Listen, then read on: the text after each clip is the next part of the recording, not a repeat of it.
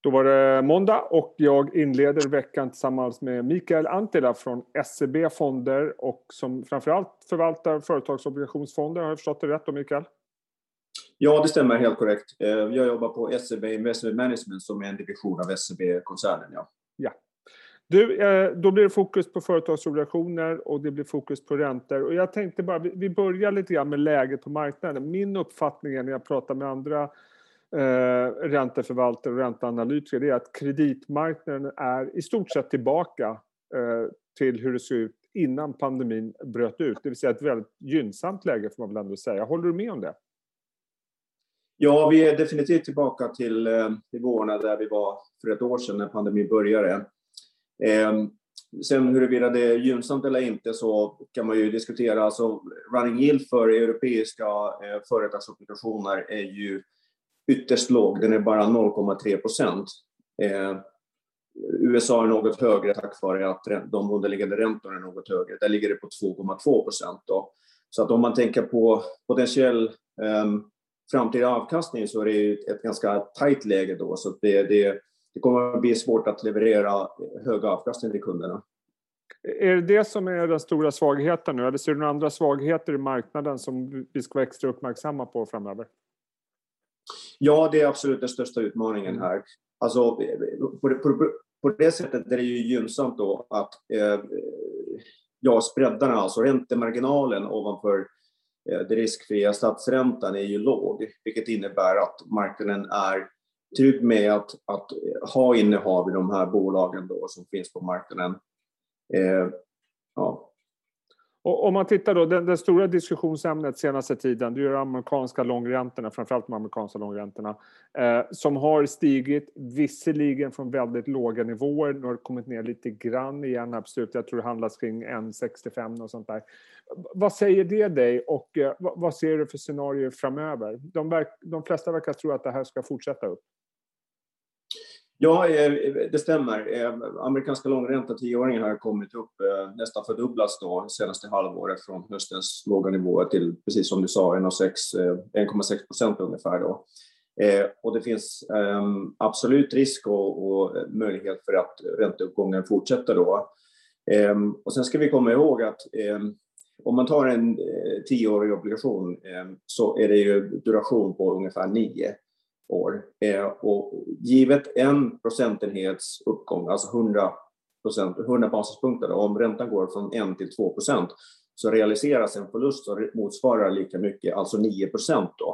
Och det är det som vi har sett tidigare år när räntorna, när statsräntorna drar upp, att det kan ja, orsaka någon typ av eh, panik på marknaden, att även de tryggaste placeringarna, alltså statsobligationer, kan ge en negativ avkastning.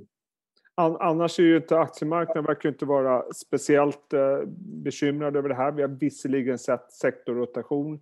Eh, sen om det beror på liksom räntan eller om det beror på att människor ser hopp efter pandemin, det, det låter jag vara osagt. Men tycker du liksom marknaden är lite, eh, vad ska man säga, väl ointresserad av de här rörelserna?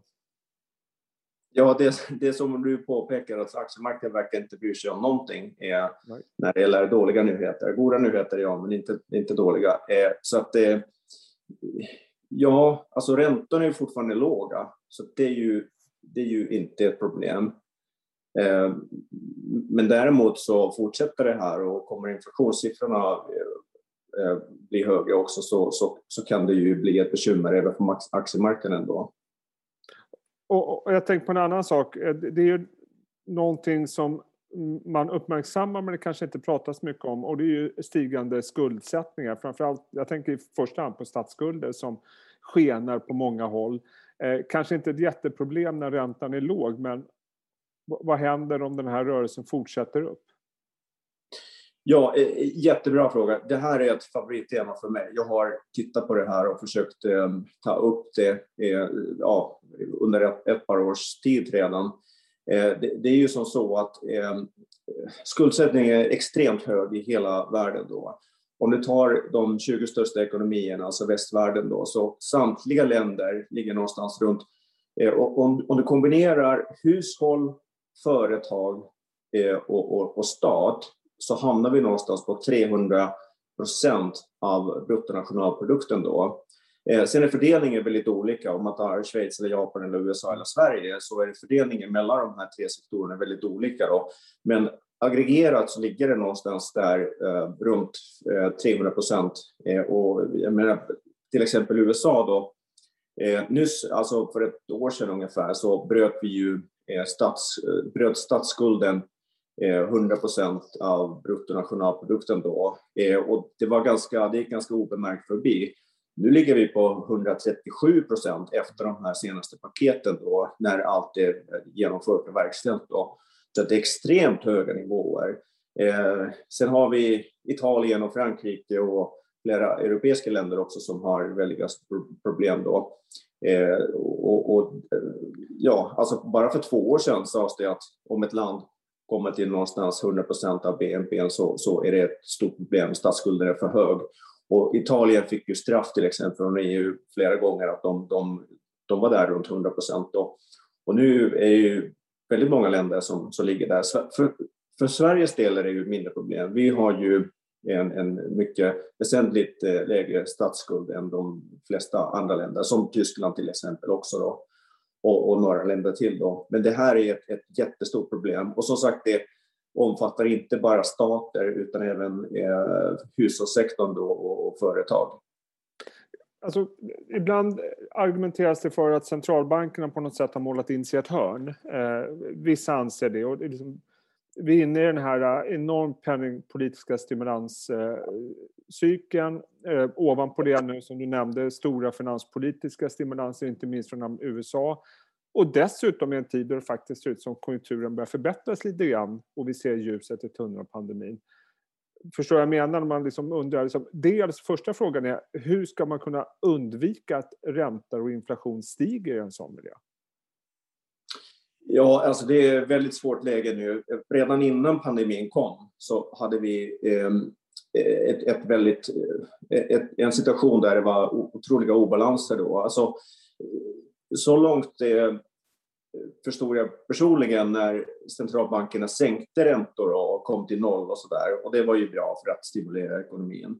Men sen när de gick över det, alltså började eh, införa negativa räntor, då, då,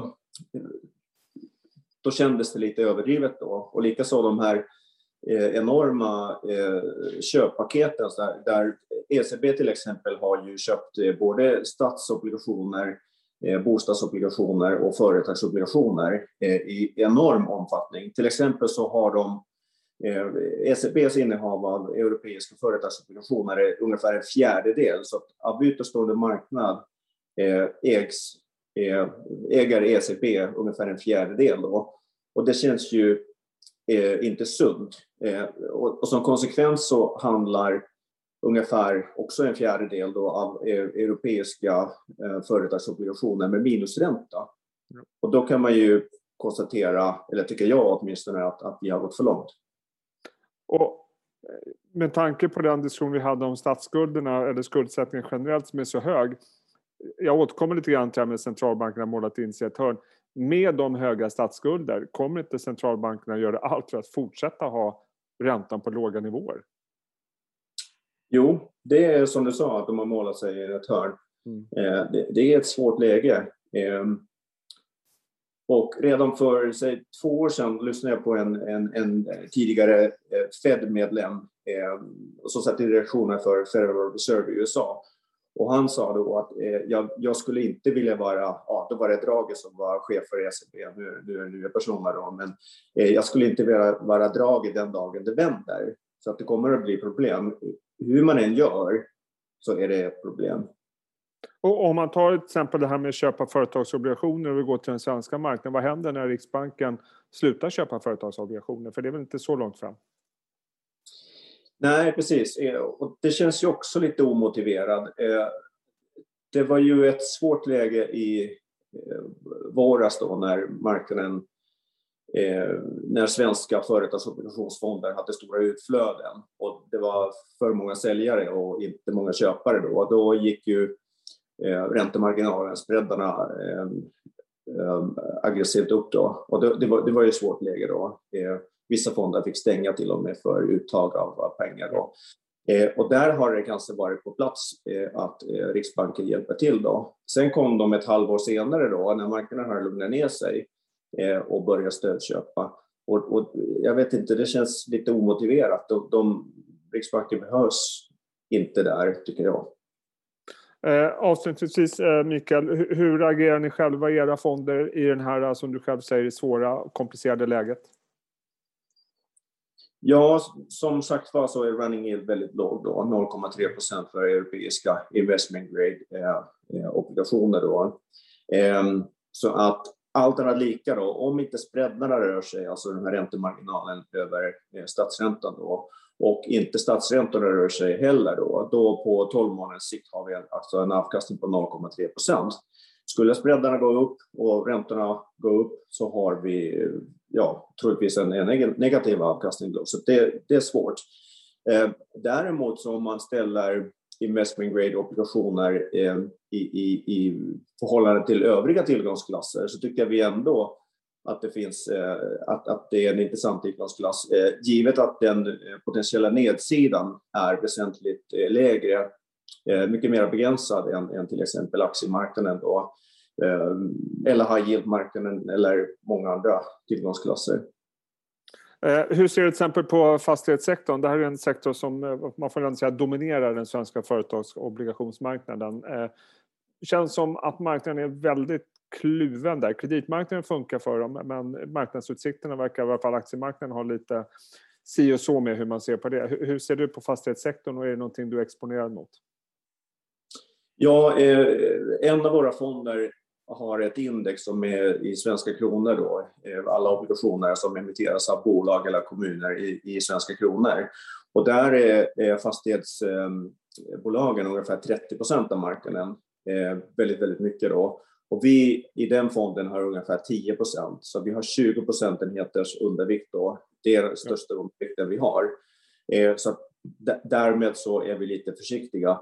Eh, ja, vi, vi, vi, är inte riktigt överens inom teamet heller eh, huruvida eh, det finns risker eller inte. Då. Eh, jag har kollegor som tycker att det, det är fin, fint och det är inga problem, men jag personligen tycker att det, det, det kan bli ett problem här inom kort igen.